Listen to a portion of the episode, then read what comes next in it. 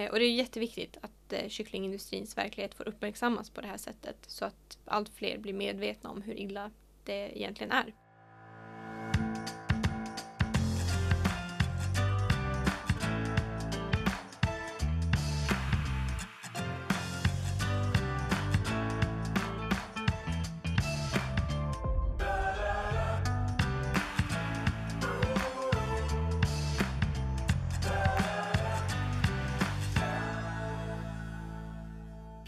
Hjärtligt välkomna till Djurens Rättspodd på Djurens Sida. Jag heter Matilda Kylefors och arbetar som politisk sakkunnig på Djurens Rätt. Och jag sitter här tillsammans med Med mig Sebastian Wiklund, samhällspolitisk chef. Ja, och vi kör en fördjupning av djurpolitiska frågor var fjärde vecka. Och genom att följa oss så kommer du få lite bättre koll på svensk, europeisk och i viss mån även kommunal djurpolitik. Ja, men eh, vad har hänt eh, sedan sist då Matilda? Nej, men jag har med mig två glada nyheter på EU-temat som jag tänkte börja med. Ehm, och de rör den här revideringen av djurskyddslagstiftning på EU-nivå som pågår. Ehm, och för det första så vill jag säga att vi trodde att, den här, att de här nya lagförslagen skulle presenteras under sista kvartalet nästa år. Men nu verkar det som att det blir tidigare lagt till kvartal 3 under 2023. Så om det stämmer så är det alltså mindre än ett år bort. Och när det gäller EU-lagstiftning så känns det som mer regel än undantag att eh, saker alltid blir framflyttade. Så att det här känns väldigt glatt. Mm, verkligen. Eh, och sen för det andra så har EU-kommissionen kopplat till den här revideringen av lagstiftningen publicerat en så kallad fitness check. Där syftet har varit att eh, stämma av i vilken utsträckning som den nuvarande lagstiftningen liksom är i fas med forskningen. Mm. Eh, och svaret på den frågan är att det är den i princip inte alls.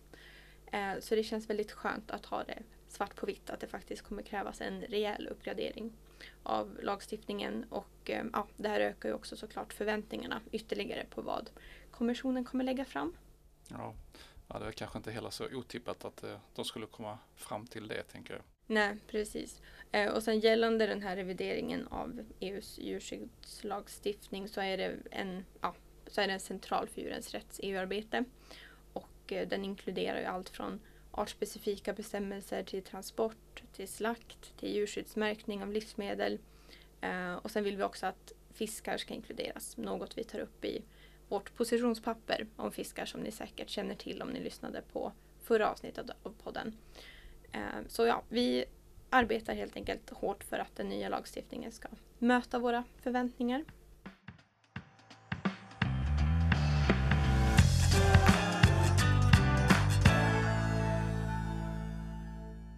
Vad har eh, du med dig för någonting som hänt sen sist?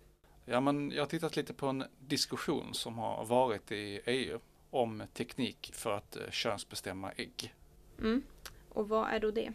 Ja, jag ska börja med problemet tänkte jag. Alltså det är så här att eh, i djurfabrikerna för uppfödning av hönor vars enda syfte är då att värpa ägg till äggindustrin. Där finns det idag cirka 10 miljoner hönor i Sverige. Dessa hönor har ju fötts upp så att säga tidigare, de som värper äggen. Ja, då kan man nog undra var tar tuppkycklingarna vägen? Det är ju rimligen lika många som hönorna då. Och Mm. då, då är det ju så att de föds upp, kläcks och eh, först då sker det en gallring mellan tupp och höna. Och eh, tupparna avlivas direkt då, bland annat genom gasning. Och många undrar ju om inte tupparna går direkt till animaliska livsmedelsindustrin då. Svaret är då nej. Därför att eh, deras kroppsvävnad då är för lite så att säga. Så det finns ingen ekonomisk eh, lönsamhet eh, för detta. Så det blir en restprodukt. Och det är såklart helt galet att hålla på på det här sättet. Ja, men på senare år så har det då utvecklats en teknik som, om att kunna könsbestämma ägget tidigt. Och ja, det går att göra och då kan industrin så att säga kassera ägget istället för att och då bespara lidandet från att eh, man föder upp eh, tuppkycklingar och sen avlivar dem. Det låter som en bra grej, men varför görs inte det här redan då? Ja, men eh, de som äger djurfabrikerna är inte riktigt nöjda med tekniken än så länge. Eh, det går för långsamt och kräver investeringar för att få upp hastigheten.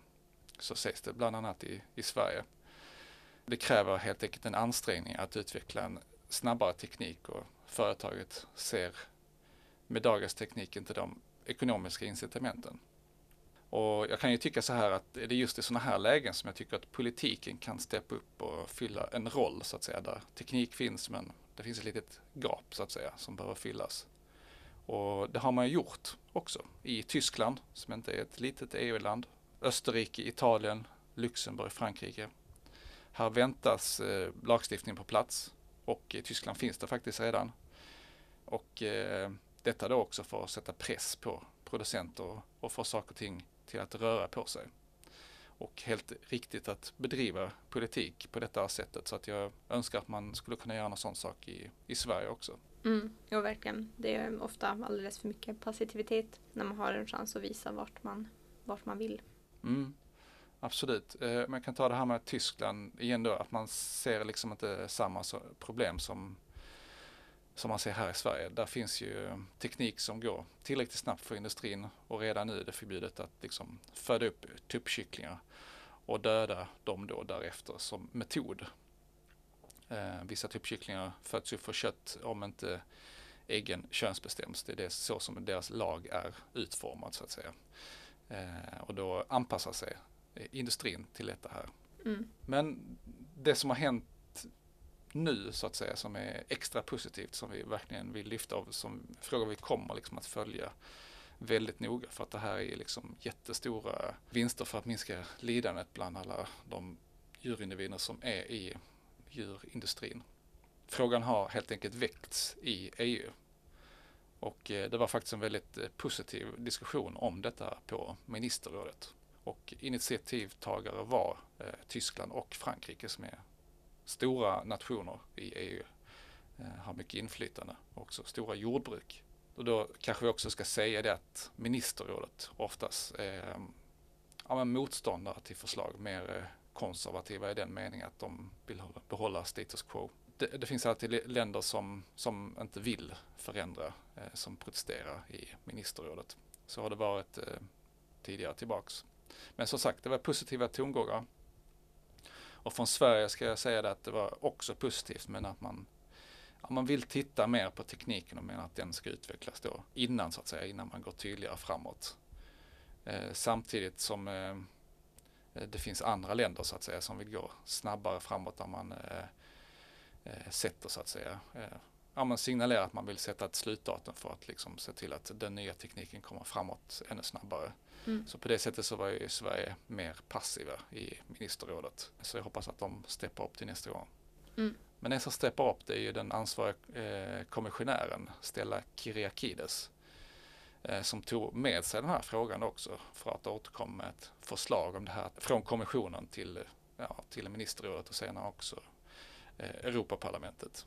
Mm. det är ju superbra verkligen. Eh, så, som sagt, det är väldigt positiva tongångar vi hoppas ju att det kommer fram djärva förslag som vågar utmana länder som är lite mer um, försiktiga eller skeptiska som Sverige i det här fallet. Vi vet inte riktigt när det här kommer. Alltså tidslinjen vet vi inte riktigt hur den kommer att se ut men det är ju en process man, man startar men är också ganska så långsam. Det tar lång tid. Förslaget ska ju utredas och du nämnde fitness check tidigare. Det är sådana saker man mm. också gör. Sen så ska det samrådas med berörda parter och eh, medborgare och så vidare.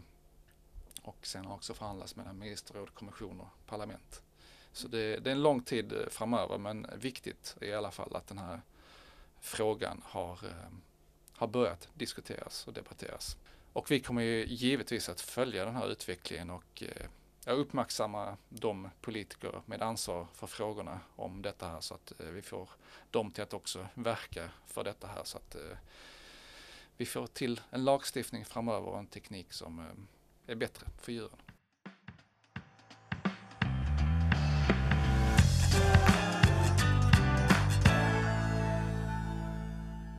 Nej, men det är säkert många som är lite nyfikna på Tidöavtalet eh, och om vi kanske har några spaningar kring vad det kan komma att innebära för djuren. Mm. Så jag tänkte att vi skulle kunna börja nysta lite i det.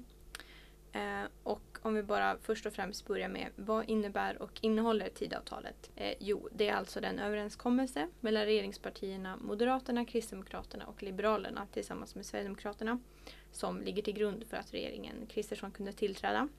Och det här avtalet innehåller utpekade projekt Och under första årets samarbete, det vill säga fram till och med budgetpropositionen för 2024, så kommer samarbetsprojekten vara tillväxt och hushållsekonomi, kriminalitet, migration och integration, klimat och energi, hälso och sjukvård samt skola. Så vi kan ju konstatera att det finns många stora och viktiga områden som försvaret, äldreomsorg, miljö som faller lite utanför det här själva samarbetet mellan de fyra partierna. Um, och så även djurpolitik då. Så ja, det lämnar lite mer att önska, tycker vi såklart. Eller vad säger du Sebastian? Du har kikat lite på avtalet. Men jag håller med precis. Jag har kikat igenom eh, avtalet på 62 sidor och hittat ett eh, stycke då som eh, nämner djurvälfärdsutredningen som det heter. Jag tänkte jag läser upp den här för lyssnarna så de vet vad som står då mm. i avtalet. En översyn ska genomföras om möjligheterna att på ett sätt som är förenligt med den gemensamma jordbrukspolitiken i EU balansera konkurrensförutsättningar för svenska livsmedelsproducenter med bibehållna högt ställda svenska djurhållningskrav. Syftet ska vara att stärka konkurrenskraften för svensk livsmedelsproduktion och samtidigt förbättra den globala djurvälfärden. Mm. Vad tänker du när du läser det då? Kan vi dra några slutsatser kring hur regeringen kommer att prioritera djurfrågor de kommande åren? Lite tidigt att dra för stora slutsatser. Det som man hör på de här meningarna som jag just eh, läste upp eh, så går det att tolka in både det ena och det andra. Men avtalet kan ju absolut ge vissa indikationer på vilka prioriteringar som kommer att göras i budgetpropositionen som det arbetas med nu för fullt. Sen så är jag rädd att det gömmer sig eventuellt också försämringar för djuren bakom de här orden om konkurrenskraft. Jag känner igen den där sedan tidigare. Mm. Alltså att man skulle vilja luckra upp eh, djurhållningskrav, exempelvis betesrätten, för att Sverige bättre ska kunna konkurrera. Och jag är inte alls övertygad om att Sverige konkurrerar bättre på det sättet heller. Man brukar tala om de här mervärdena som Sverige har och att konsumenterna vill välja bättre mm. djurvälfärd. Så att jag tror att eh, man är ute på, på lite hal is här. Men oron kommer ifrån att eh, KD har drivit den här frågan om betesrätten, att den ska bort eller omprövas som de säger. Som vi uppfattar det så är det att man helt enkelt ifrågasätter betesrätten. Och det är någonting såklart som vi absolut inte vill se och vi kommer ju naturligtvis att bevaka den här frågan väldigt, väldigt noga skulle jag säga. Men sen så också det här med alltså att försöka anpassa sig mer till EU så tänker jag också att det finns frågor som där Sverige sticker ut till exempel. Det börjar vi göra liksom inom pälsdjursindustrin som vi har, eh, som vi har kvar här i Sverige. Och eh, om man ska liksom försöka anpassa sig mer till EU så borde rimligen det innebära att man också går på, att, går på en linje att man säger att man inte vill ha den här pälsdjursindustrin kvar heller. Mm, precis, och jag tänkte lite på det temat också på att en fråga som regeringen skulle kunna driva, mm. om det nu verkligen är så att man månar både om ett gott djurskydd och konkurrenskraft, är ju frågan om att inrätta en EU-kommissionär med djurskydd som portfölj så att säga. Mm. Eh, för skulle fler och mer framåtsträvande lagstiftningsförslag eh, läggas fram av en sån framtida EU-kommissionär med fokus på djurskydd så skulle andra länder riskera betydligt fler och större anpassningar än Sverige.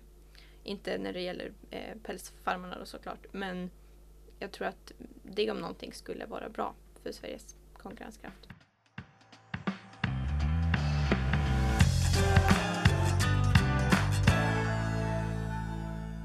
Någonting annat som vi skulle kunna briefa lyssnarna om är ju att vi har fått en ny landsbygdsminister. Eh, och den nya landsbygdsministern han heter Peter Kullgren. Han är kristdemokrat och han har i och med det här tillträtt som chef för infrastrukturdepartementet. Eller som det kommer heta efter årsskiftet, landsbygds och infrastrukturdepartementet. Eh, och där ingår alltså djurskyddsfrågor som ansvarsområde. Mm. Eh, kanske säga någonting till lyssnarna att eh, innan valet att Djurens Rätt har ju länge jobbat för en djurskyddsminister också och mm. lämnat, lämnade på dagen efter valet över fler än 35 000 underskrifter till regeringsbildaren Ulf Kristersson med uppmaning om att också inrätta en sån. Som alla vet nu så blev det ingen djurskyddsminister. Fick inte helt enkelt plats i regeringen. Precis, så det får vi fortsätta arbeta för. Ja. Eh, Men vem är då Peter Kullgren undrar ni? Jo, han var kommunalråd i Karlstad innan han fick posten som vice partisekreterare i Kristdemokraterna. Eh, Och sen för fyra år sedan så blev han då partisekreterare och har varit det fram till nu. Och redan när han presenterades som minister så framhölls det av Ebba Busch att han är jägare eh, och han har lett partiets arbete med att utveckla deras landsbygdspolitik där både ja, men jordbruk, infrastruktur, skogspolitik, jaktpolitik berörs.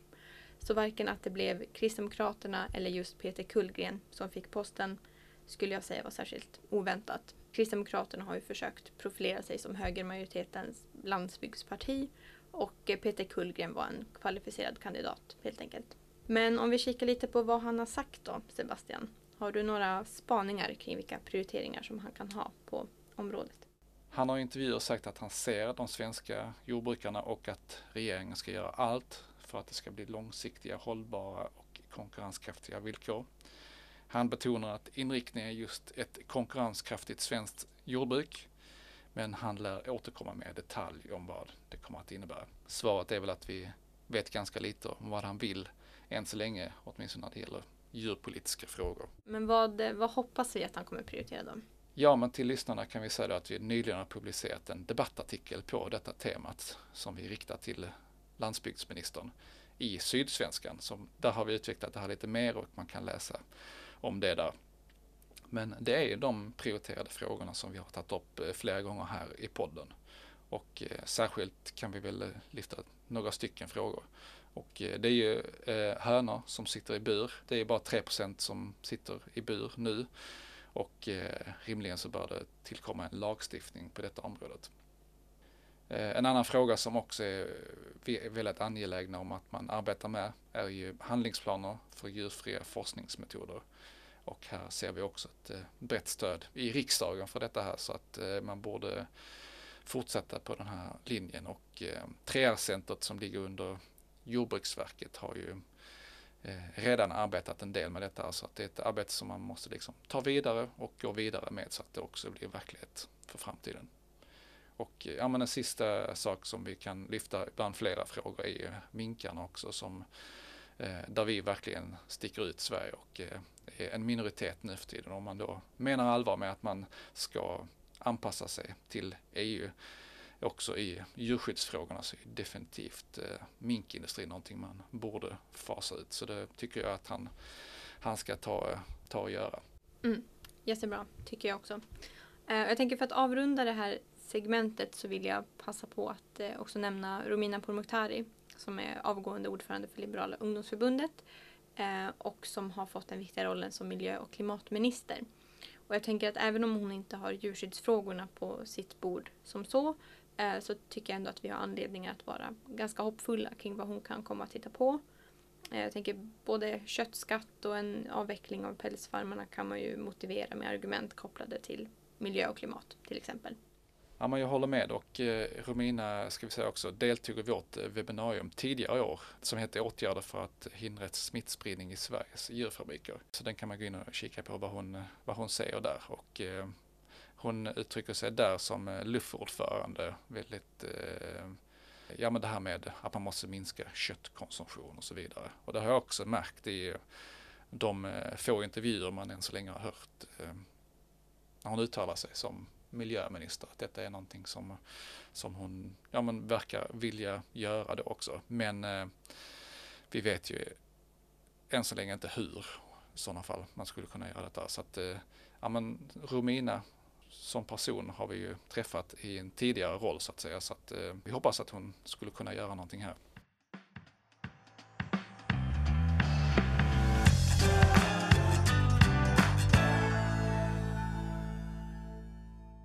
Förra veckan så gick Djurens Rätt ut med en polisanmälan mot en kycklingfabrik i Södermanland som föder upp turbokycklingar som levereras till varumärket Kronfågel. Polisanmälan baseras på bild och videomaterial från den här kycklingfabriken som Djurens Rätt tagit del av.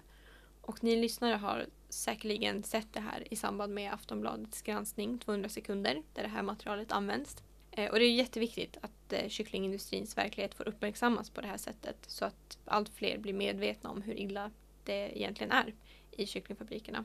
Och mer om den här polisanmälan och det som syns i materialet pratar vi om i vår extra podd som vi gick ut med under förra veckan. Eh, men Sebastian, vad bör politiken göra kring det här? Ja men eh, först och främst eh, så tror jag att det är viktigt för politiken att göra sig medveten om att det är turbokyckling vi använder oss av i djurindustrin. Och man borde verkligen se ifall det här är någonting som ska få lov att förekomma i svensk djurindustri. Och eh, antingen att man tittar på vilka raser man använder eller eh, ser vilka beteenden man verkligen ska garantera för djuret. Eh, som jag ser det så har man inte rätt till sitt naturliga beteende som det står i lagstiftningen. Och eh, man utsätts helt enkelt för ett onödigt lidande, gör kycklingen. Därför att eh, det finns ju alternativ till de här snabbväxande turbokycklingsraserna som man använder sig i svensk eh, djurindustri. Sen så en annan sak som politiken också borde eh, titta närmare på. Det är ju att se till att eh, de brott som också försiggår i, i det här fallet eh, kycklingindustrin, att det blir straff för det. Eh, som vi ser idag så är det liksom vite eller något annat som, som eh, tilldelas de som begår brotten. Rimligen så borde helt enkelt eh, fabriken eh, stängas ner och eh, inte öppnas förrän man verkligen garanterar att man inte begår de här brotten mot djuren som, som det handlar om. Till sist också en budgetfråga. Länsstyrelsen som kontrollerar så att allting går rätt till. Här måste man ju se till att det finns pengar som gör att man kan anställa folk och få fler händer så att säga som är ute och kontrollerar och verkligen ja, men, garantera att eh, lagen också följs. Och jag tänker att eh, detta är någonting som verkligen eh, svenska folket eh, vill ska, ska, ska göra så att säga, att man efterföljer lagen. Det är därför man har stiftat en lag. Ja, nej, jag instämmer. Eh, och det här med att just föda upp turbokycklingar tycker jag är ett så tydligt exempel på eh, när man låter ekonomiska intressen gå före djurens bästa. Och vi kan ju också meddela att en förundersökning av vår polisanmälan har inletts, vilket vi ser positivt på. Och det är väldigt viktigt att det uppmärksammas i media. Så nu hoppas vi på att politiken tar vid och att rättsväsendet gör sitt med den polisanmälan som vi gjort. Och om ni inte har lyssnat på extrapodden om polisanmälan så gör gärna det. Ja men hörni, det var allt vi hade att bjuda på idag. Gillar du vår podcast så se till att du prenumererar på podden. Då missar du aldrig när ett nytt avsnitt släpps i din poddapp. Och till sist så vill vi tacka dig som har lyssnat idag. Det är tack vare våra månadsgivare som vi, bland annat genom politiskt påverkansarbete, kan fortsätta göra skillnad för de djur som är flest och som har det sämst. Och vi behöver din hjälp för att sätta djurens bästa på den politiska agendan. Så gå gärna in på www.djurensratt.se medlem och bli månadsgivare idag. Ha det fint tills vi hörs nästa gång. Och eh, tack för att du står på djurens sida. Hej då! Hej då!